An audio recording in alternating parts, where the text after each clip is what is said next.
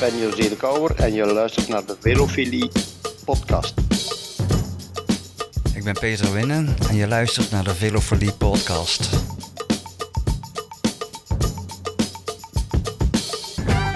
De Velofilie podcast.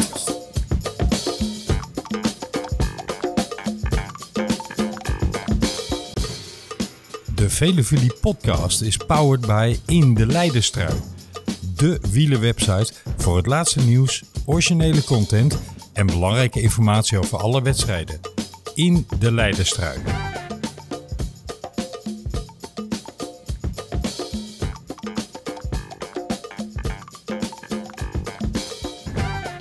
Goedemorgen, middag of avond, beste wielervrienden en vriendinnen. Welkom bij een nieuwe aflevering van de Velofilie podcast. Seizoen 4, aflevering 1, 2021. We hebben een uh, iets wat lange winterslaap gehad. Dat is ook uh, wel te verklaren. Daar gaan we het zo meteen verderop in de uitzending over hebben. Maar we hadden het een en ander te stellen bij Velevelie met wat transfernieuws. En een van de belangrijkste nieuwtjes op dat gebied is dat mijn vaste host en uh, goede vriend Don Kaspers het helaas niet meer bol kan werken om ja, regelmatig aan de podcast mee te kunnen werken. En wij toch wel ambitieuze plannen hebben voor dit jaar, mag ik jullie vertellen. En dat we daarom besloten hebben, we gaan dat anders invullen. Jullie zullen dus in de toekomst zonder Dom moeten doen. Misschien dat hij uh, ooit nog wel eens aanschuift, maar uh, regulier zullen we het anders gaan doen. En ik kan je vertellen, ik ben er blij mee met wat we gaan doen. Want we hebben ambitieuze plannen samen met de wielerwebsite voor al het actuele nieuws. Alle relevante content en informatie over wedstrijden en eigen producties in de Leidenstrui. En daar ben ik buitengewoon blij mee, want ja, dat maakt dat we weer een slagje professioneler kunnen gaan zijn. En we hebben het genoegen aan de telefoon te hebben twee van de hoofdredacteuren van In de Leidenstrijd. Yannick en Tom, welkom in de uitzending van Velovolie Podcast. Dankjewel, dankjewel Camille. Wat een eervolle dankjewel. introductie. Ik, uh, zeker, zeker. De eer is geheel aan mijn kant, uh, want ik ben blij uh, dat we met z'n allen gezamenlijk dingen gaan doen. Ja, er kan alleen maar prachtige synergie ontstaan in mijn ogen sluit ik me volledig bij aan. En ik denk Jannik ook. ja, daar hebben we wel best voor gedaan. Als Yannick nu iets anders zegt, dan, dan stap ik alsnog op mijn fiets naar hem toe. Yannick en ik hebben beste luisteraars. Nou, dat zou ik niet doen. Dat is een behoorlijk eindje. ja, maar ik kan ook wel wat conditieopbouw gebruiken. Dus uh, uh, Yannick en ik hebben de afgelopen um, nou, maanden eigenlijk wel. Hè? Yannick hebben we regelmatig contact met elkaar gehad. Hebben we heen en weer gepingpongd over hoe kunnen we die samenwerking vormgeven. En wat, wat is daar de opzet voor. Yannick heeft daar een projectplan voor geschreven. En we hebben daar met z'n allen over gebeld, over gezoomd, over geappt en noem maar op. En uiteindelijk zijn we nu van start. Heren, als ik champagne naast me had staan, dan zou je nu een plop en een knal horen. Maar ik heb hem niet. Dus uh, virtueel een proost.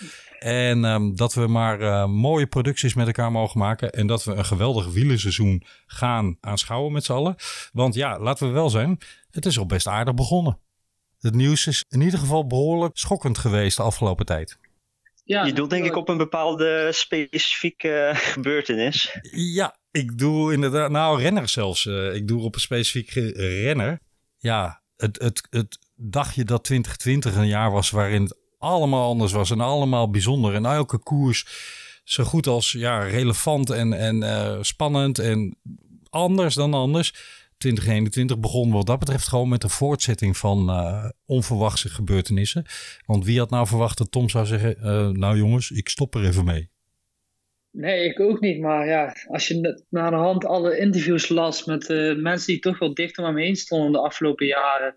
Ja, die, voor hen kwam het allemaal niet als een verrassing. En voor de volgers misschien wel. Maar ik denk dat het idee bij Tom om te stoppen al langer speelde. En dat hij toch in, op het moment dat flikkertje in zijn hoofd aan is gegaan van hey, ik, kap er, ik kap er even mee en uh, misschien zien we hem over een paar maanden wel weer terug. Maar wie zal het zeggen? Hij zal zijn tijd nodig hebben en uh, ik denk dat het belangrijk is dat we hem dat allemaal gunnen. Ik denk dat de algemene tendens een beetje was uh, dat volgens mij de algemene reacties waren zowel verbaasd als niet verbaasd tegelijk. Ik ga zo mijn fout even goed maken om jullie te vragen jezelf even voor te stellen. Maar luisteraars, je hoorde eerst Tom en daarna Yannick van In de Leidenstrijd. Dat voor de goede volgorde, dan weten mensen even welke stem bij welke naam hoort. Ja, Achteraf is het mooi wonen en makkelijk praten en kun je een koe in de kont kijken, heb ik altijd geleerd. Achteraf zie ik ook wel dat er een aantal zaken niet liepen zoals ze horen te lopen. Ik hoop eigenlijk dat Tom nou ja, toch een beetje zijn uh, letterlijk spelvreugde terugvindt. En uh, ontdekt waarom hij toch op zo'n fiets zat. En dat het niet alleen maar is om anderen te pleasen, maar dat het vooral voor hemzelf uh, ja, voldoening moet geven. En, en dat hij ontdekt wie de Tom Dumoulin is op de fiets die, um, die overeenstemt met wat hij wil dat het is. Ja, het speelse, speelse is een carrière terugkijken, bedoel je dan op, neem ik aan. Exact, exact. De vreugde erin en ook de ongedwongenheid, zeg maar. Ja, ja klopt helemaal. Dat sluit me volledig bij aan.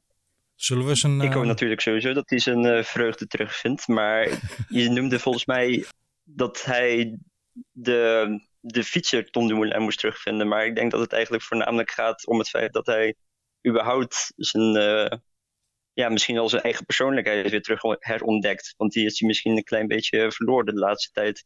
Zo liet hij doorschemeren in het, uh, in het hele interview. Ja, ja. ja, waar ik bang voor ben, Yannick, is dat als hij zijn eigen persoonlijkheid terugvindt, dat zonder de combinatie met de fiets zal zijn. Dus ik hoop, daarom zei ik expres de, de fietser Tom Dumoulin. Ik hoop dat daarin voor hem toch een factor zit die hem weer over de streep kan trekken om, uh, om toch weer op die fiets te gaan zitten. Ik zou het echt heel zonde vinden als Dumoulist. Ja, als, hij, uh, als dit het was, zeg maar. Laten we hopen voor niet. Yannick, zou jij um, even kort voor de luisteraars willen voorstellen, vertellen wat jouw passie of jouw motivatie is om met wielrennen bezig te zijn en hoe dat zo gekomen is? Ja, dat is eigenlijk niet zo super bijzonder. Ik uh, ben er volgens mij ooit, nou ja, ben inmiddels 25. Het zal uh, een jaartje of 15 geleden zijn geweest dat ik dan voor het eerst een beetje koersen op televisie begon te volgen, beginnend met de Tour de France. Dat je eigenlijk nog helemaal niet zo'n heel goed idee hebt wat er nou, ja, hoe dat gaat. Het hele wielrennen, je moet dat spel een beetje door beginnen te krijgen. En naarmate de jaren vorderen, dan, dan merk je dat het eigenlijk een hele complexe sport is, die constant veranderlijk is op basis van alleen al de omgeving of het aantal andere renners dat in het peloton zit. En dat is wat voor mij super interessant is. Dat het eigenlijk, ja, je, je hebt een vast parcours, alleen je kan eigenlijk nooit bepalen hoe aan het einde van de race die wedstrijd gelopen is. Dat nee. valt heel moeilijk te voorspellen. En dat is bijvoorbeeld bij een andere sport als voetbal of zo. Staat het voor mijn idee altijd al veel sneller vast wat er kan gebeuren. Oh jee, oh jee, het woord voetbal is al gevallen. ik had me met ja, Donald. nee, ik had met uh, Donald tijd uh, de spelregel. We hebben het niet over voetbal. En elke uitzending lukte het bijna niet. dus ik ben blij dat jij hetzelfde doet. Heel mooi. Ja, nee, maar dat is zo. Of vergelijk het met Formule 1. Hè. Ik ben ook een groot Formule 1 fan. Maar de voorspelbaarheid van bepaalde races, ja, die is een, een factor, uh, nou misschien wel factor 50 hoger bij Formule 1 dan dat die bij wielrennen is. Volledig eens. En toen, hoe, uh, hoe heb je je vanaf dat je geïnteresseerd raakte ontwikkeld? Nou, volgens mij ben ik op een gegeven moment uh, een beetje in een online forum gerold waar we in, op hele intensieve schaal gingen voorspellen. Ja, alle grote tot kleine wedstrijden. Op een gegeven moment dat je ook zelfs het beloftecircuit erbij moet nemen. En dat je eigenlijk denkt van ja, waar ben ik in godsnaam mee bezig? maar uh, die liefde die is uh, gebleven. En op een gegeven moment zag ik een keer een uh, vacature voorbij komen voor in de Leidenstraat. En ik dacht van ja, ik ben er op dit moment toch zoveel mee bezig in mijn leven. Van ja, waarom zou ik het niet proberen? Maar ik heb voor de rest ook niet een journalistieke of communicatieachtergrond. Dus dat is ook wel een kleine gok of het überhaupt iets voor mij zou zijn. Ja. Ik moet zeggen, uiteindelijk is dat heel goed bevallen. En zit ik nu ongeveer anderhalf jaar bij de Leidenstrui en het uh, bevalt me opperbest. En we leren op iedere dag eigenlijk nog steeds bij. Even voor de luisteraars. In de Leidenstrui is een relatief nieuwe website over wielrennen. In 2018 opgericht. Onderdeel van uh, een aantal andere websites. Uh, Ajax Shownieuws en F1 Maximaal. Zeg ik dat goed? Ajax Showtime. Ajax Showtime. Zie je? Ik dacht al, ik maak volgens mij een fout ergens. Shownieuws is van de sterren, hè? ja, daar kijk ik dus nooit naar. Vandaar dat ik me vergis. Maar um, ja, ik volg in de Leidenstraat eigenlijk al vanaf, uh, vanaf de oprichting. Omdat ik eigenlijk een beetje hetzelfde heb als jij, Yannick. Ik ben iets meer dan gemiddeld, en dan zeg ik het redelijk eufemistisch, bezig met wielrennen. En vooral met het lezen, kijken, horen. Want ik luister ook ongeveer alle podcasten die er zijn over wielrennen, inclusief de buitenlandse. Ik heb zelfs laatst een Duitse podcast over wielrennen aangezet. Kan je vertellen? Dat is toch anders. Aanrader? Nee. nee. Het, uh, het klinkt op een of andere manier heel vreemd in het Duits om, om over wielrennen te praten of te horen. Ja, ik ben net zo fanatiek als jij, denk ik, daarin. Dus ik, ik kan me wel voorstellen dat jij die stap gemaakt hebt. Heb je een, een favoriete renner, Yannick? Iets, iemand die um, jouw grote held is of was? Nou, ik, in de tijd dat ik het begon te volgen, had je natuurlijk de Euskartel ploeg. En dat vond ik altijd wel heel leuk. Geweldig. Ieder mens heeft dat uh, gevoel, denk ik wel, dat je uh, een beetje het gevoel hebt uh, voor de klassieke underdog te zijn. En dat waren zij toch wel. Ik vond het wel mooi dat ze met alleen Baskische renners natuurlijk ja, het peloton ingingen. Maar op dit moment, nee, het is ja, ik kan eigenlijk meer genieten van een mooie wedstrijd dan van een specifieke coureur. Ja, je sport het niet specifiek een team of een bepaalde renner. Nee, niet. Op een gegeven moment als uh, de renner zelf een mooie koers maakt, dan, dan ben ik eigenlijk al blij als, als fan en liefhebber. Top. Zou jij, Tom, hetzelfde even willen doen voor de luisteraars? Even kort vertellen wie je bent, hoe uh, jouw passie voor wielrennen ontstaan is en wat jou uh, verbindt met in de Leidenstrui. Ja, uiteraard. Ja, ik was eigenlijk vroeger ook heel erg een voetbaljongetje. Ik, uh, ik kom uit uh, onder, uh, door, een dorpje onder Eindhoven, Deurne genaamd. Dus ik was in de goede PSV-jaren was ik fanatiek PSV-fan. Alleen dat werd vanaf denk 2007, 2008 iets minder. Ik wou zeggen, dat is lang geleden. ja, allemaal op, allemaal op. En toen, Sorry. in de zomer van 2008 keek ik dus met mijn vader mee naar de Tour de France. Het was de, de etappe naar Alpe West en die werd gewonnen door Carlos Sastre, die daar, daar eigenlijk ja, uit het niks ja. De Tour won. En uh, ja, vanaf dat moment is het licht eigenlijk aangewakkerd en nooit meer uitgegaan. Ik denk dat ik vanaf dat moment eigenlijk elke koers uh, wel heb gevolgd en de nodige kennis over heb opgedaan. En ook veel koers uit het verleden heb teruggekeken. Dus ja, zodoende ben ik eigenlijk ook bij een lijst terechtgekomen. Een beetje op dezelfde manier als Jannik. Ik zag een vacature voorbij komen en ik dacht, waarom niet? En ja, een jaar daarna werd ik benoemd tot hoofdredacteur. Dus ik denk dat ik wel kan zeggen dat ik daar ook de goede stap heb gemaakt. Top. Ja, fantastisch.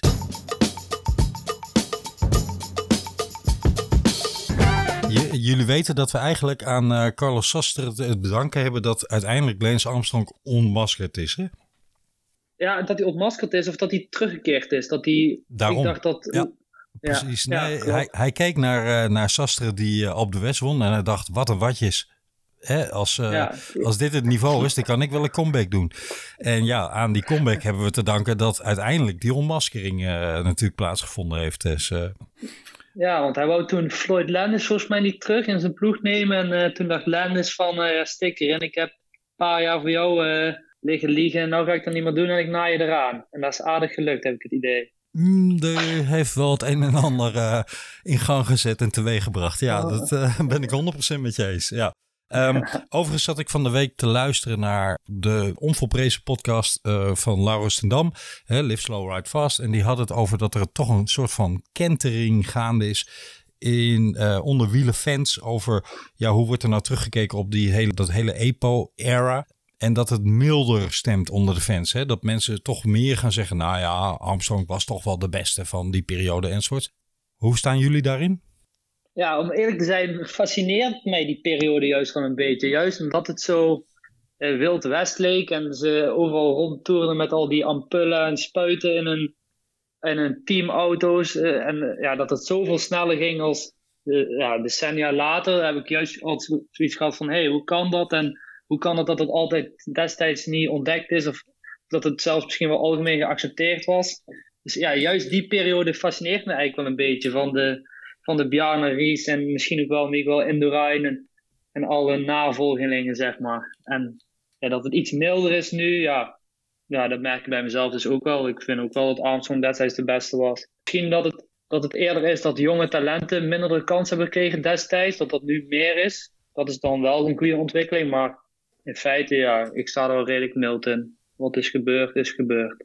Het leuke is dat ik met Maarten Chalingi um, recent gesproken heb over precies dat effect. Hè? Dat um, ja, het toch ook de ontwikkeling van jonge renners wel in de weg uh, stond. Omdat iedereen zo loeien, loeien hard ging op EPO. Hoe kijk jij daarnaar, Yannick? Nou ja, ik deel in zekere zin wel de fascinatie. voor die periode. Ik denk dat het vanuit een journalistiek oogpunt ook altijd een heel interessant onderwerp is, überhaupt doping. Ja. Maar uiteindelijk, ik kijk uh, niet met nostalgie terug naar, uh, naar renners die uh, met spuiten EPO in de kont de bergen op fietsen. Nee, dat denk ik voor de veiligheid en gezondheid van de renners, denk ik dat je dat totaal niet moet willen. En daarin sta ik dan ook eigenlijk niet milder tegenover zo'n periode. Volgens mij mag dat nog steeds wel. Er mag meer open over gepraat worden. En dat gebeurt volgens mij op dit moment nog steeds wel te weinig. Nou is um, een van de insteken van In de Leidenstrui om eerlijke en open journalistiek te bedrijven. Dus altijd aan te geven hè, welke bronnen gebruiken jullie, maar ook wat, wat de insteek is. Ja, doping is gelukkig een veel minder aanwezig item in de wielenwereld. Uh, althans, het is minder in het nieuws, laten we het zo zeggen. Maar delen jullie met mij ook de mening dat ik ben denk ik inmiddels, want ik ben ongeveer het dubbele van jullie in mijn leeftijd. Ik denk dat ik vanaf mijn zesde zo'n beetje fan van wielrennen ben. Dus ik ga al een goede 40 jaar mee daarin. Ik, ik geloof er eerlijk gezegd geen barst in dat wielrennen ooit een schone sport wordt. Maar ik vind het ook niet per se relevant. Sterker nog, mijn insteek is juist, ik heb letterlijk nou alles wat ik te pakken kan krijgen over die hele dopingperiode gelezen. Hè? Van uh, de rapporten van USADA over Armstrong tot uh, Racing in the Dark uh, en, en noem alles maar op. Ja, ik vind het juist machtig mooi. Je krijgt eigenlijk een koers waar je van kan genieten. En een paar jaar later lees je nog eens een paar boeken en hoor je nog eens een podcast en zie je nog eens een film. En dan geniet je nog een keer van die gebeurtenissen. Welke sport heeft dat nou? Maar geniet je er dan nog steeds van? Of denk je dan ook niet van, ah, bah, is het op deze manier gebeurd? Nou, kijk, ik zal een goed voorbeeld geven. Toen ik Bjarne Ries op zijn buitenblad, volgens mij was het Hotel Kam op zag rijden in uh, 1996. Toen dacht ik bij mezelf, in de beugel, op je buitenblad, hier is iets niet pluis. Dus ik, ik genoot van wat daar gebeurde om de sensatie die ik voelde van, ja, dit kan niet wat Ries hier aan doen is. En ja, door de jaren heen is daar een hoop over gespeculeerd. Ik geloof dat hij in 2010 of zoiets of bekend heeft. Ja, dan, dan is het eigenlijk een soort van spanningsboog die al die jaren aanwezig is geweest. Soms wat meer latent, soms wat meer aanwezig. Maar ja, uiteindelijk wordt die spanningsboog ingelost. En zo zitten goede scripts altijd in elkaar. Hè? Er wordt een spanningsboog opgebouwd. En aan het einde komt de oplossing. Ja, fantastisch. Ik geniet daar echt van. Poeh, uh, ja, ik vind dat eigenlijk een lastige kwestie. Ook omdat ik eigenlijk in 2008 ben begonnen met het volgen van de sport. Dus dat was eigenlijk de eerste tour. Dat ik niet wil zeggen dat het echt schoon was, maar dat het in ieder geval schoner werd. En dat de, de echte schandalen daarna, denk ik, grotendeels uitgebleven zijn. Dat die vooral van de jaren daarvoor dateren. Dus misschien is het ook bij mij juist dat ik vanaf 2008 de sport volg als zijn redelijk schoon en, en transparant. En dat juist die periode daarvoor mij fascineert, omdat het anders is geweest. Maar uh, ik denk niet dat een boek van Bjarne Ries, als ik uit mijn eigen ervaring spreek, uit 1996 is niet per se fascinerender dan dat ik over vijf jaar een boek over Wout van Aert lees. Dat vind ik net zo mooi. En dan, ja, zeker. Ik denk, niet dat, ik denk niet dat doping daarin een factor moet zijn waardoor je het gaat lezen. Misschien doet iedereen het wel, alleen ja, ik ben eigenlijk vooral blij dat de sport niet. Dat ik nu, ik kijk nu niet naar de tour met het gevoel van hé, hey, die Pogacar, daar klopt iets niet aan. En daar, daar geeft me wel een fijn gevoel, zeg maar. Ja. Ik, ik, ik vind het leuk om daarover te schrijven. En ik zou het niet leuk vinden als ik er over drie of vier jaar achter kom van dat hij toch op iets andere brandstof uh, zou rijden. Ik hoop dat uiteraard ook van niet. Uh, wat ik er eigenlijk mee bedoel te zeggen is dat het mijn liefde voor die wielersport absoluut niet kapot gemaakt heeft. Maar misschien ben ik daar wel meer uitzondering in hoor dan de meeste fans die daar toch wat zwart-witter in uh, reageren. Maar ik bedoelde inderdaad zeker niet dat een, toekomstig boek van Wout van Aert minder interessant is dan een boek van, uh, nou noem maar eens wat, Rasmussen, wat ik echt ja, misschien wel drie keer gelezen heb inmiddels. Ik vind allebei interessant. Dus ik ben, maar ik ben ook buitengewoon gefascineerd door de wielersport. Dus wie weet heb ik wel een, uh, een passie die in daarin iets afwijkt.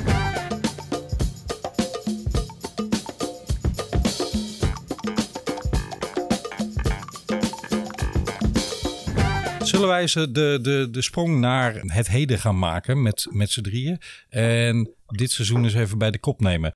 We hebben al een paar koersen gezien. Vandaag um, David Dekker nog weer voor de tweede keer tweede zien worden in uh, de Emiraten. Zonde. Ja, klopt. Ja, daar had meer in gezeten. Zit daar in, de, in dit voorjaar meer in, denk je? Poeh. Nou, ik denk eerlijk gezegd dat we op dit moment nog heel weinig van uh, David Dekker in het voorjaar moeten verwachten. Mm -hmm. hij heeft zelf natuurlijk ook aangegeven dat hij meer sprintkant op wil dan daadwerkelijk gaan focussen op de klassiekers. Maar dat hij potentie heeft om dit soort wedstrijden ook te rijden, heeft hij wel laten zien. Door ook gewoon in zijn eerste profkoers direct uh, met die waaiers mee te zitten. Ja, dat, dat kunnen er niet veel. Nee. Nou, ik dacht ook een beetje aan scheldeprijzen en dat soort uh, koersen in dit voorjaar. Mm -hmm. Ik ben eigenlijk vooral benieuwd hoe hij het in de Giro uh, gaat doen. Dat lijkt me wel echt een, mooie race om te, om te ontdekken hoe ver David Dekker echt kan rijden. Ja. Tegen mm -hmm. jongens als yeah. Sagan, een Ewan, een Viviani, misschien Gaviria. Daar kan mm -hmm. ze denk ik echt over lange perioden meten met die uh, grote gasten. Stel hij zou daar iets moois kunnen be behalen, dan denk ik dat we het laatst van hem nog lang niet gezien hebben. Nee, want het is, het is natuurlijk niet helemaal de gaatmeter. Hè? De meesten zitten nog aardig in hun trainingsopbouw. Maar hij klopt de namen die je net noemde vandaag toch. Nou, hij werd tweede, maar hij verslaat die mannen wel. Ja, zeker. En er zit er ook een, een Ewan bij, die, ja, die, ja. die leeft ook wel voor dit, dit soort wedstrijden. Voor die vlakke, voor die vlakke rittenkoers. Echt voor die, uh, die biljartvlakke etappes. En dat die, dat soort jongens vandaag ook voorblijft. Ook een akkerman. En ook de manier waarop. Het is niet zo dat die uh, bij Bennett in het wiel als het ware naar de finish gebracht wordt. Nee, hij moet echt nog een keer uitwijken. Hij probeert nog een keer langs te komen. En hij baalt ook dat hij verliest dat is denk ik ook kwaliteit van een winnaar. Dat je ook op die leeftijd al eigenlijk niet tevreden bent met een tweede plek in zo'n World wedstrijd. In eerste World wedstrijd achter ja, misschien wel de beste sprinter ter wereld, Sam Bennett. Goede genen. Goede uitgangspositie ja. gekregen. We springen even door, want uh, ja, we hebben in dit voorjaar, of nou ja, zeg maar vanaf januari tot nu, toch een hoop koersen zien wegvallen. Maar gelukkig gaat, zoals het er nu naar uitziet, het klassieke voorjaar gewoon met de omloop van start komend weekend. Wie hebben jullie hoog op de radar staan wat betreft Omloop het Nieuwsblad? Jenny. Om te winnen? Ja? Ja, het is een vrij gemakkelijke keuze misschien, maar ik, uh, ik zie Julian Alaphilippe wel gewoon winnen. Ja? Ja, sterkste ploeg. Daarnaast de, de kopman daar vorig jaar gewoon in de Ronde van Vlaanderen laten zien dat hij uitstekend uit de voeten kan. En ik vond hem ook al uh, indrukwekkend uh, te werk gaan in die Franse voorbereidingskoers. Zeker, eens. En jij Tom? Uh, ja, ik zit ook vooral naar Quickstep te kijken en ook naar Trek Segafredo. Die komen ook met een paar mannen die mm -hmm. eventueel wat, wat kunnen presteren. Van Avermaat heb ik heel hoog zitten voor deze zaterdag. En ook uh, Laporte van Cofidis. Daar verwacht ik ook grote dingen van. Aha, aha. Kijk, daar hebben we al een, nou, soort van dark horse te pakken. Want dat was natuurlijk mijn volgende vraag. Niet nadat ik eerst even wijs op een prijsvraag die op tegen dit moment bij uh, In de Leidenstrijd te vinden is, beste luisteraars. Ga naar de website in de Leidenstrui en je kunt meedoen aan de prijsvraag voor Omloop het Nieuwsblad. Alle details staan daar benoemd. Je kunt er een, een fijn paar winterhandschoenen mee winnen. Mocht het de komende... Handig voor het voorjaar. Ja, handig voor uh, de mooiste lenteweken jaren, geloof ik. Uh, het is warmer dan, uh, dan het historisch ooit geweest is deze tijd. Maar wie weet hebben we over een week wel weer ijs, joh. Het kon vorige week ook, dus waarom niet? Nou ja, je kunt alle details vinden op de website van www.indeleidenstrijd.nl. Hebben we een, uh, met Laporte wel een dark horse. Heb jij er nog eentje in de aanbieding, Yannick? Zeg je een outsider? Nou, ik, ik zie hem niet winnen. Maar ik ben heel erg benieuwd naar, naar het debuut van Romain Bardet bij DSM.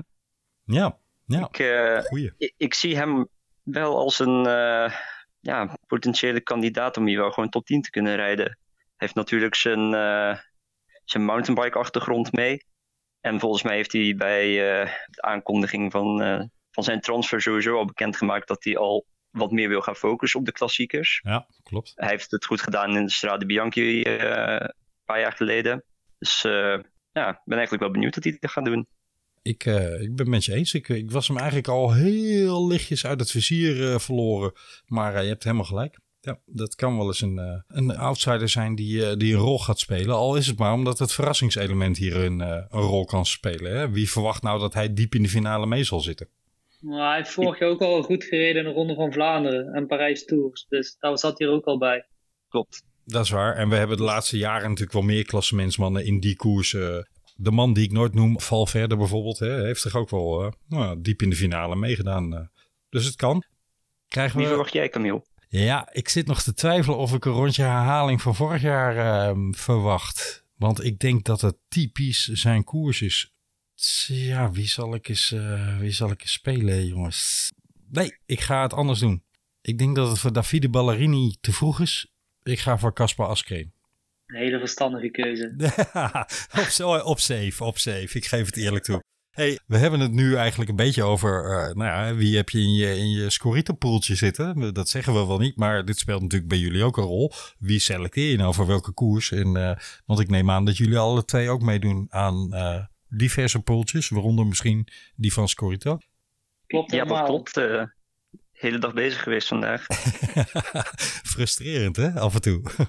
Het is de, het mooiste wat je kan doen en tegelijkertijd, oh, het geeft zoveel stress totdat die koersen beginnen. Nou, en daarna ook. En daarna ook, als je ziet dat renners uitvallen en zo, klopt. Maar uh, ik ben altijd blij als de eerste meters verreden worden en ik denk, ah, oh, deadline geweest, kan niet meer wijzigen. Ja, ja, zaterdagochtend dan ga ik ook aan lopen pielen, dat weet ik nu al. ja. Dat zijn nooit de beste keuzes. Nee. Nee, nee dan probeer het maar eens tegen te houden. Uh, ik heb menig team om zeep geholpen met die last minute changes. Dus uh, ik, ik probeer elk jaar weer tegen mezelf te zeggen, doe het niet, doe het niet. Hou je in, stick with the choices you've done. Maar um, geloven wij in. We gaan even door met de volgende koers in het seizoen. En ik maak even een sprongetje. Ik kom straks alweer terug op de chronologie. Geloven jullie in een um, Grand Slam voor Philippe Gilbert door um, Sanremo te winnen? Uh, resoluut nee, denk ik niet. Waarom niet? Omdat hij gewoon niet. De, ik denk dat hij niet meer de punch heeft, zowel op de podio als aan de finish, om uh, al dat jong geweld te kloppen. Ik denk niet dat hij met Van Aert en Van der Poel mee kan op de podio. En ik denk dat hij uh, uh, richting de finish strook, dat hij ook geklopt wordt door. Stel, hij zit er nog bij jongens als De Maar, maar ook weer door Van der Poel en Van Aert. Ik denk dat het heel gek moet lopen, wil Philippe Gilbert winnen. Ook omdat er natuurlijk binnen zijn ploeg al redelijk wat concurrentie is met Degenkolb, een ex-winnaar, en uh, Caleb Ewan. Die ja. echt uh, ook voor deze wedstrijd gaat. Ja, dat is wel uh, een factor. Ja, ik wil hem niet helemaal afschrijven. Vertel.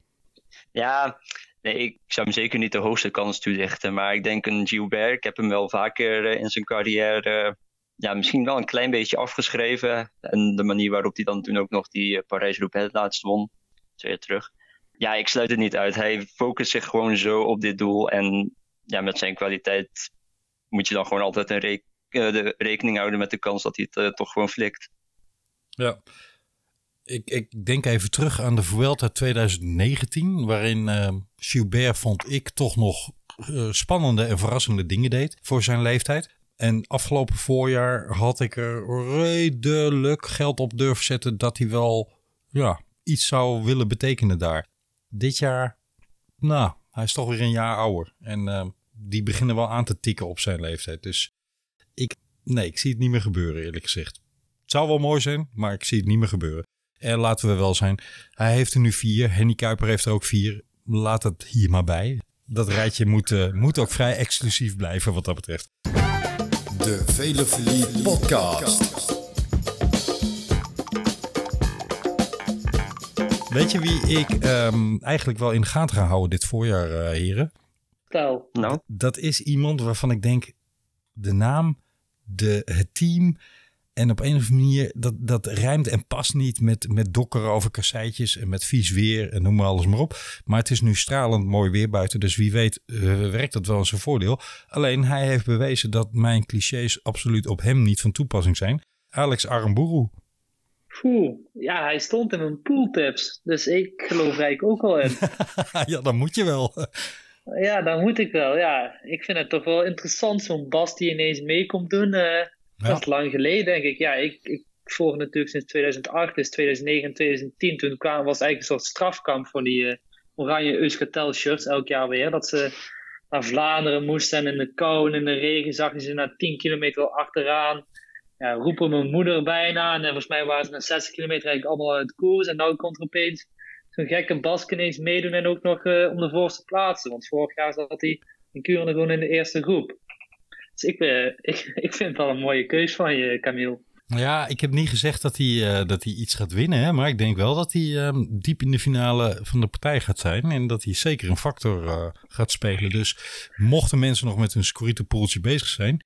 Ik denk dat dit iemand is die wel uh, wat puntjes gaat sprokkelen waar dat onverwachts kan zijn. En uh, daar maak je het onderscheid mee ten opzichte van je vrienden die, uh, en vriendinnen die alles op zee spelen. Hè? Ja, nog een naam waarvan ik denk, ik ben zo benieuwd wat hij dit, dit jaar gaat doen, überhaupt. Ieder Schelling. Ja, hij is nu de vervanger van Sagan in de omloop nieuwsblad en volgens mij ook Kuurne Brussel Kuurne, dus hij krijgt alvast wat kansen. Ja. Alleen verder, ja, als Sagan er dadelijk toch weer bij komt en ook Niels Pollitt, die schat ik toch wel iets hoger in. Ja. Dus ik, ik vrees er een beetje voor voor zijn eigen kansen. En ook Schachman komt er natuurlijk, in principe zou Schelling in de Ardennen klassiekers prima mee kunnen. Alleen ja, dan zit hij weer met Schachman. Dat is denk ik wel de echte kopman daar. Ja, ik verwacht Pollitt inderdaad ook wel uh, binnen dat team. Die, uh, die moet weer even wat gaan laten zien en die moet weer een stap maken vooruit. Wat hij de afgelopen jaren wat telkens gedaan heeft. Maar ik verwacht nu dat hij weer een, uh, een stap vooruit maakt. Dus ja, ook die zou best in je team kunnen passen hoor, wat dat betreft. Ja, die heeft uh, nu tenminste een keer iets, uh, iets betere ondersteuning wel. Ja, heeft een goed team om zich heen. Den Greg, verwachten we daar nog iets van? Ja, ik wel. Die, uh, die zie ik overal gewoon lekker voor de top 5 meedoen. Die, die, die kan je eigenlijk niet niet hebben. Die moet je er eigenlijk wel bij hebben, heb ik het idee. Ja, al moet ik zeggen, als hij overal top 5 rijdt, dat eigenlijk zijn voorjaar mislukt is, hè? Ja, ja, voor hem wel, maar voor ons is Corito Pools niet. Hij kan heel. nee, uh, dat is dubieus van Scorito. Hè? Je gaat bijna hopen dat, uh, dat bepaalde zaken anders gaan dan je wielerhard bijna wil, omdat je daarmee punten scoort. Wat dat betreft, vals spelletje hoor. Ik hoop dat hij dit jaar iets, iets gaat, uh, gaat pakken, een, een grote prijs. Want hij is er nou al zoveel jaren mee bezig. En ja, hij hoort elk voorjaar weer bij dat ploegje van vier, vijf man die altijd koersen, die altijd ja, de koers maken en dragen. Maar hij staat er altijd net niet op, op het podium of op de nummer 1 plek. Dat lijkt me onderhand bijna een uh, frustrerende missie voor hem aan het worden. Ja, hij heeft toch wel een keer ja. Parijs-Roubaix gewonnen. Zeker. Het zou, wel, het zou wel prachtig zijn als hij de ronde zou kunnen winnen. Dat zou zijn carrière denk ik helemaal compleet maken. Ja. Dat zou ik, zou ik als liefhebber ook mooi vinden als hij de ronde wint. Ja, hij heeft natuurlijk een soort uh, Gilbert-jaar gehad, hè, waarin uh, alles wel lukte. Maar uh, dat is ook alweer een jaar of vier, vijf geleden. En vanaf dan jaagt hij er weer achteraan. Ja, op een manier dat je denkt, eh, weer net niet. Zonde. Ja. Ja. Nou ja, ik vind het sowieso wel interessant nu met zijn, met zijn nieuwe ploeg. Met Nase erbij, met Jungles. Ik denk dat het wel... het is nog niet zo'n blok als dat ze het bij Quickstep hebben. Maar nou, het is wel interessant om te volgen. Kan jij, uh, Yannick, het is misschien heel triviaal hoor, maar kan jij iets met dat shirt van dat team? Ja, wat zou je dan willen dat ik daarmee doe, Camille? ik moet er nog steeds aan wennen hoor, moet ik je bekennen. Ik heb ze wel eens mooier gezien. Is het van belang? Uh, fietsen jullie zelf eigenlijk, uh, Yannick en Tom? Ik, uh, Te weinig. Ik stap regelmatig op de mountainbike. Ik ben niet zo van het wielrennen. Het moet voor mij iets meer spanning en sturen en lekker raggen door de bossen zijn. Dat ik na anderhalf uur, twee uurtjes zoet ben. Dat lukt op de mountainbike perfect. Ja, en, uh, maar ook daarvoor geldt, gesoigneerd op de fiets of interesseert het helemaal niets? Uh, ja, ik heb vorig jaar een Astana tenuutje gekocht. En voor de rest fiets ik eigenlijk vooral rond in uh, kleding die voor mijn vader te klein is geworden. een Astana tenue? Ja, die was een, weet, AliExpress stond die op voor 20 euro. Ik dacht, ja, ga maar aan, heb, heb ik eentje extra. Geweldig, oké. Okay. Ik dacht hier oh, nog... Sorry, een... sorry. Ja? Is de, was de reclame? Dat mag natuurlijk niet. Nee hoor, dat mag wel. uh, we zijn een, een, een, vrij medium, hè? we vallen niet onder ja, de omroepwet. Maar, um, Zoeken nog een sponsor. precies. Ik dacht hier een diep fanschap ontdekt te hebben bij Tom, maar nee, het was gewoon een AliExpress aanbieding. Uh, hey, wat, wat verwachten we van Team DSM, mannen? In het voorjaar? Mm -hmm. Die hebben een mooie ja. ploeg voor het voorjaar. Zo. Ik verwacht ik, Krak Andersen verwacht ik wel weer flink uh, vooraan, net zoals in de Tour. En dan nog een paar mannen erachter met Benoot, Eekhoff, uh, Bardet natuurlijk. Dus die, uh, die kunnen zeker wel wat klaarspelen. Misschien Kees Bol nog erbij. Pedersen. Ja, mooie ploeg. Ja, zeker. Casper ja. Pedersen. Heel, ja. heel groot talent. Waar daar ook wel eens kan doorbreken. Dus ja. echt een topteam. Ja. Ondanks dat ze hier natuurlijk. Ik zal um, nooit vergeten de voorlaatste etappe van Parijs-Nice vorig jaar.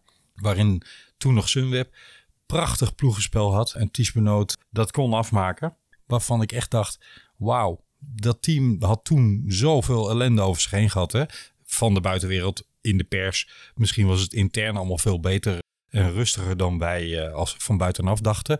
Maar met het vertrek van Dumoulin en alle heisa daaromheen, dat team lag in onze optiek op zijn gat. En, en die kwamen daar een potje comeback maken in Parijs-Nice. Dat ik echt, echt heb staan applaudisseren voor de tv. Mooi. de kritiek was al niet mals van tevoren. En ze hebben dat wel uh, op een genadeloze manier afgestraft. Echt, met alle criticasters. Ja, ja, ja. ja. Er is geen betere en andere manier dan om de kritiek de mond te snoeren dan het op die manier te doen. Ik verwacht een hoop van ze dit jaar. Hebben we eigenlijk nog ergens een outsider die, uh, waarvan jullie zeggen, joh, hou dat nou in de gaten. En dan bedoel ik niet Nicky Terpstra, qua team wel, maar niet qua wielrennen. Maar gewoon echt een renner waarvan je zegt, dat is een, uh, een jong talent of een onontdekt, net gecontracteerde. Ja, die, Tom heeft er wel een paar genoemd in zijn, uh, in zijn pooltipjes. Ja, Zeker? die heb ik nog wel een paar uh, klaar liggen. Ja, ik, heb ik wil eerst eentje noemen die ik niet in mijn pooltipjes heb, gestaan, heb staan, omdat die waarschijnlijk niet al te veel gaat rijden waarvan ik, waarvan ik wel denk dat die Kuurne Brussel Kuurne gaat winnen. Dat is uh, Yannick Steimle van Quickstep. Okay. Die hebben twee jaar, twee jaar geleden met uh, Jungels een trucje uitgehaald. Vorig jaar met Askren. En ik denk dat Steimle dit jaar die lijn door gaat trekken. Maar hij rijdt niet al te veel. Misschien dat hij als hij Kuurne daadwerkelijk wint wel nog geselecteerd wordt. Maar daar verwacht ik veel van. En natuurlijk bij diezelfde ploeg ook Ballerini. Daar, ja, maar dat is eigenlijk logisch na zijn prestaties in de Provence. Ja. En ja, ik verwacht ook veel van uh, Ethan Hater, een jonge Brit van uh, Indians Grenadiers. Ja. gaan alle ogen daar gaan richting Pitcock. Maar stiekem doet Hater het uh, ja, de afgelopen jaren bij de belofte ook heel goed. En is een jongen die heel hard kan fietsen, goed kan tijdrijden. Rap ook al bewezen heeft in de ja, heel zeer snel een aankomst. Ook al bewezen heeft in de junioren en de belofte klassiekers. Dus vooral in die vrijbuitersploeg van uh, Indians dit jaar kan hij wel ver komen, denk ik. Ja, en, en je noemt hem al, maar daar hou ik mijn ogen toch ook wel op gericht hoor, uh, Pitcock. Ben benieuwd. Ja. ja, ik ook, zeker. Vooral voor de Waalse klassiekers denk ik dan, met, met zijn gewicht. Ik denk niet 58 kilo in de Ronde van Vlaanderen. Ik twijfel erover. Ja, maar ik denk wel dat hij... Als, als je het WK in Oostende een beetje ter vergelijking neemt, hè, dan, dan leek hij ook in het zand wat tekort te komen.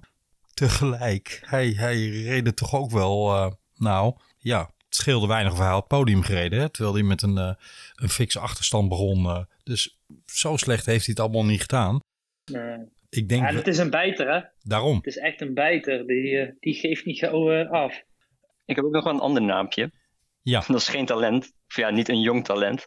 Maar um, hij heeft nog niet heel vaak meegedaan in dit soort werk. Alleen ik denk wel dat hij tot op het bot toe gemotiveerd is om dat wel te laten zien dat hij dat eventueel zou kunnen. En dat is Victor Kampenaerts. Aha. Wat, wat maakt dat je daar extra aandacht op gaat uh, vestigen dit jaar? Um, nou ja, hij heeft natuurlijk vorig jaar een hele lange zoektocht gehad om überhaupt nog een, uh, een nieuwe ploeg te vinden. Ja. En uh, op de valreep nou ja, is, is, zijn contract verlengd. En hij heeft sindsdien aangekondigd te gaan focussen op de klassiekers. En volgens mij zit hij er ook altijd een klein beetje mee dat iedereen van hem zegt dat, dat hij alleen maar kan tijdrijden. Maar volgens mij liet hij vorig jaar in de Giro ook in die etappe die gewonnen werd door Czerny, geloof ik dat, nou ja, dat hij misschien ook wel met een leuke late uitvalspoging, dat hij daar ook wel een goede prijs kan rijden. En misschien wel ook in Kuurne, Brussel, Kuurne. Ja, ik heb altijd een beetje ambivalent gevoel bij uh. Aan de ene kant denk ik altijd, ja, geweldig figuur. Hè? Dat soort cult figuren bijna moeten we hebben in het wielrennen. En aan de andere kant denk ik altijd, ja, hij is een beetje wat een soort Thomas de Gent light in sommige opzichten. Hij probeert dingen, maar hij, hij heeft net die finishing touch niet die Thomas de Gent wel heeft. Uh, maar ik, ik zou het mooi vinden als hij, uh, als hij mijn gedachtegang daarin doorbreekt. En ik had eerlijk gezegd ook nooit verwacht dat hij het werelduurrecord zo aan diggelen kon rijden. Ook al was dat op hoogte en ook al was dat in Mexico. Maar toch, vond een knappe prestatie. Dus hij heeft wel bewezen dat hij zich met een goede focus absoluut kan vastbijten in ja, een doel, een missie uh, die hij zichzelf stelt. Dus ja, mooi hè.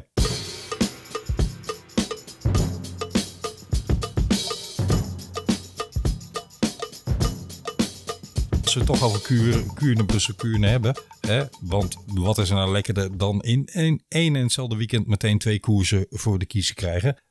Hebben we daar nog een uh, absolute uitblinker voor, uh, heren?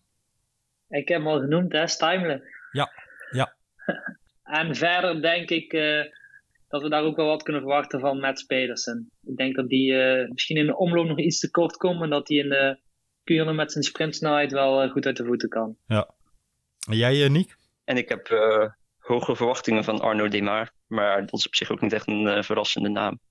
Nou, de Maar, dus, is wel zo'n type die dat soort koersen heel goed aan kan. Klopt, ja. ja. Ik uh, moet zeggen dat De Maar me vorig jaar in positieve zin uh, verbaasd heeft.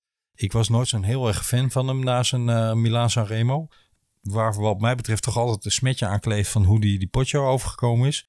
Maar tegelijkertijd heeft hij vorig jaar wel laten zien van ja, het is wel echt een gast met inhoud en het is wel echt een klasbak. Ja, dat is het zeker. Ik vond het schandalig dat hij niet genomineerd was voor wielrenner van het jaar. In Nederland?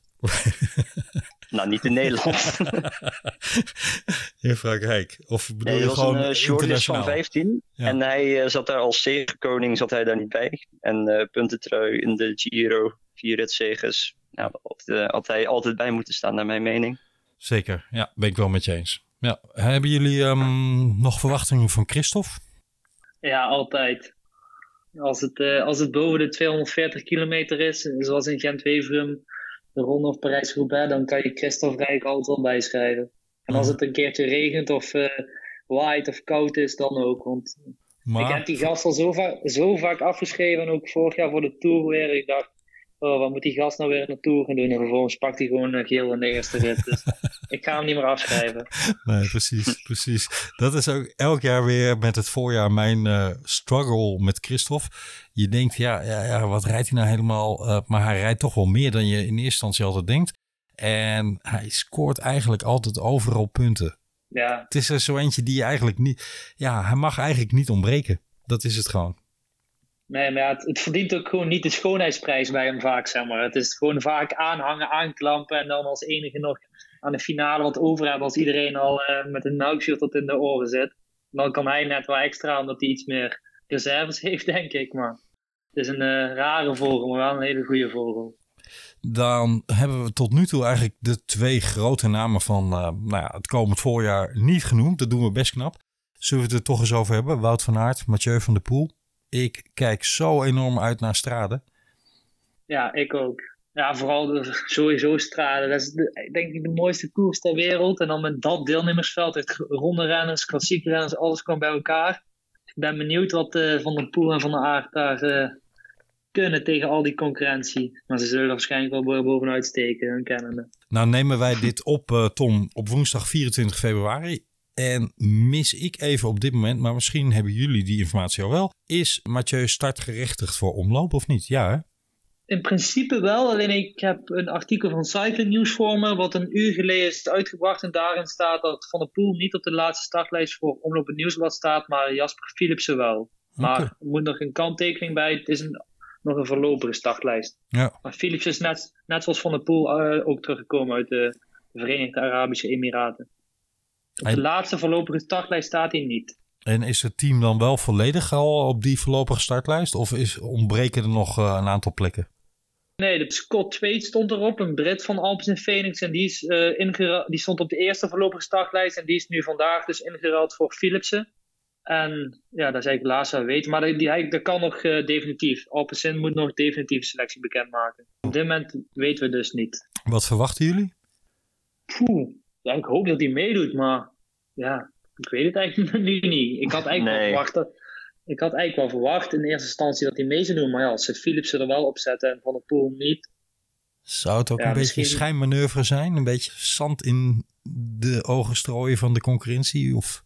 Ja, het zou goed kunnen. Kijk, ik, ja, het is natuurlijk wel allemaal hectisch geweest ook de afgelopen dagen. Dus misschien dat ze even willen wachten. En dan uh, dat ze vrijdag met een mooi persbericht komen dat hij alsnog meedoet. Uh, geeft ook iets meer aandacht natuurlijk.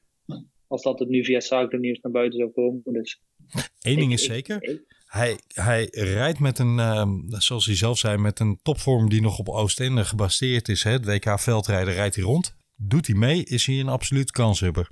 Ja, 100%. Yannick, wat denk jij? Wat hoop jij? Ja, nou ja, ik zie hem natuurlijk het liefst meedoen. Want een uh, renner als Van der Poel, die maakt de koers altijd alleen maar leuker en interessanter.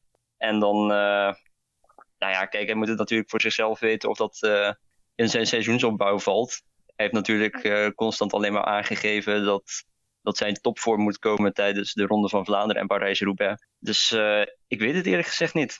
Dat, eigenlijk is dat tot, tot nu toe in elke voorjaarscampagne. Dit is een derde, geloof ik. Hè? Maar in elke voorjaarscampagne zijn er een aantal variabelen die maken dat je denkt: is hij er nou wel of niet bij? Eén, hebben ze een wildcard? Nou, dat is tegenwoordig al wat soepeler allemaal dan uh, twee, drie jaar geleden was. Twee, ja, focust hij op die koers, ja of nee? Dat geldt natuurlijk voor alle renners, maar hij had zeker in zijn eerste voorjaarscampagne nog wel een iets selectiever programma dan de meeste. En drie, ja, heeft Mathieu de lol in. Daar komt het eigenlijk een beetje op neer. Hè? Want ik zou denken, als je de kans hebt, dan ga je toch van start in omloop. Maar hij denkt daar simpelweg uh, ja, iets anders over. Hij denkt, uh, als me niet interesseert, doe ik het niet. Nou ja, het zou ook wel eens een hele chaotische koers kunnen worden. En dan dat hij misschien denkt van in opbouw naar mijn uh, andere grotere doelen, doe ik het liever niet. Nee, precies. Ongeacht de vendruk, hè? daar, kan, daar kan Tom nog wat van leren wat dat betreft. Hij heeft volgens mij al uh, bewezen dat hij daar wel een klein beetje scheid aan heeft waar mensen hem het liefst zien rijden. Ja, behoorlijk. Behoorlijk zelfs, ja. Tegelijkertijd, als er een coureur is die altijd goed voor zijn voor fans zorgt, dan, uh, dan is het Mathieu wel. Daar heeft hij al diverse blijken van gegeven. We gaan het, uh, het beleven met z'n allen, heren. We gaan het volgen via In de Leidenstrijd. En jullie kunnen luisteraars het volgen via Velevelie Podcast uiteraard. Heb je nou een tip voor de podcast? Wil je iets kwijt over wat we hier allemaal bespreken? Heb je op- of aanmerkingen? Dat kan op Twitter, Velevelie. En dat kan ook via veleveliepodcast.gmail.com. En wil je nou uh, over de in de leiderstrijd iets meer weten, dan kun je op de website daar alle redacteuren en de hoofdredacteuren vinden, inclusief, en dat is wel vrij bijzonder, inclusief hoe je met hen in contact kan treden. Goed geregeld, heren. Ja, we vinden het wel belangrijk dat wij, uh, als we vragen krijgen van, uh, van lezers, dat we die wel zo netjes mogelijk zien te beantwoorden. En we doen vaak ook wel iets met de feedback die we ontvangen. We gaan um, een van de eerstvolgende uitzendingen gaan we een van jullie redacteuren introduceren in de podcast. Want die zal regelmatig aanschuiven en um, ja, met mij samen de presentatie gaan doen. Wesley van Bavel, maar die komt in de volgende uitzending.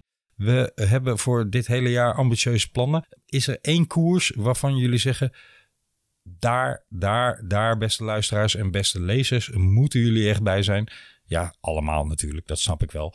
Maar um, is er eentje waar je persoonlijk als redacteur... of als hoofdredacteur of als wielerliefhebber nu al enorm op verheugt? Behalve Strade, die we net al genoemd hadden. Ja, voor mij is dat uh, Parijs-Roubaix. Eens. En jij, Yannick? Ja, nou, daar ben ik het zeker ook mee eens. Maar die staat natuurlijk ieder jaar op het programma. Behalve vorig jaar dan. Mm -hmm. Maar um, ik kijk eigenlijk uit naar de, de, Olympische wegrit. Ja, ik ook. Zeker. Want, uh, ook, ook, daar wachten we al heel lang op. En wie weet kunnen wij uh, wel een beetje het licht op de baan gaan bijspijkeren bij deze en gene. Want zoals jullie wellicht weten ben ik een groot baanfan. En ik kijk ook enorm uit naar wat Team Nederland, zal ik het maar even noemen. Harry Lefrijzen en co, wat die, Matthijs Bugeli, noem ze allemaal maar op, wat die daar gaan doen. En zeker ook wat een van mijn persoonlijk favorieten, Jan-Willem van Schip, kan doen op het Omnium enzovoorts. We gaan uh, wat dat betreft een heel mooi sportjaar tegemoet. Laten we hopen dat het allemaal een beetje door blijft gaan. Maar in ieder geval zijn we aanstaande zaterdag bij Omloop het Volk en zondag bij Kuurne Brussel Kuurne. Kort na het weekend zul je een nieuwe aflevering kunnen vinden. En um, ja, hou uh, in de Leidenstrijd in de gaten voor alle actuele koersnieuws. Heren, het was mij een genoegen om deze opname met jullie te doen. Ik hoop dat jullie uh, in de nabije toekomst nog eens aan gaan schuiven. Hebben jullie uh, nog een slotwoordje? Ja, dat ik het gezellig vond, Camille. Dat is ook belangrijk. Ik hoop ook dat we nog wel wat vaker langs zullen en komen. Dat uh, moet de regelen zijn met z'n allen. En dan hoop ik ook als de coronamaatregelen, want het is natuurlijk corona voor lente uh, of alles kan en mag. Maar als de coronamaatregelen toch een beetje blijven versoepelen, dat we dat binnenkort eens uh, met z'n allen onder vier ogen doen. Want dat is ook vreemd hè. We gaan met elkaar samenwerken, maar we hebben elkaar nog niet in levende lijven ontmoet. Nee, ik dan zit alleen maar naar de telefoon te kijken. Ja, precies. Welkom in het digitale 2021. Ja, zo gaan die dingen tegenwoordig.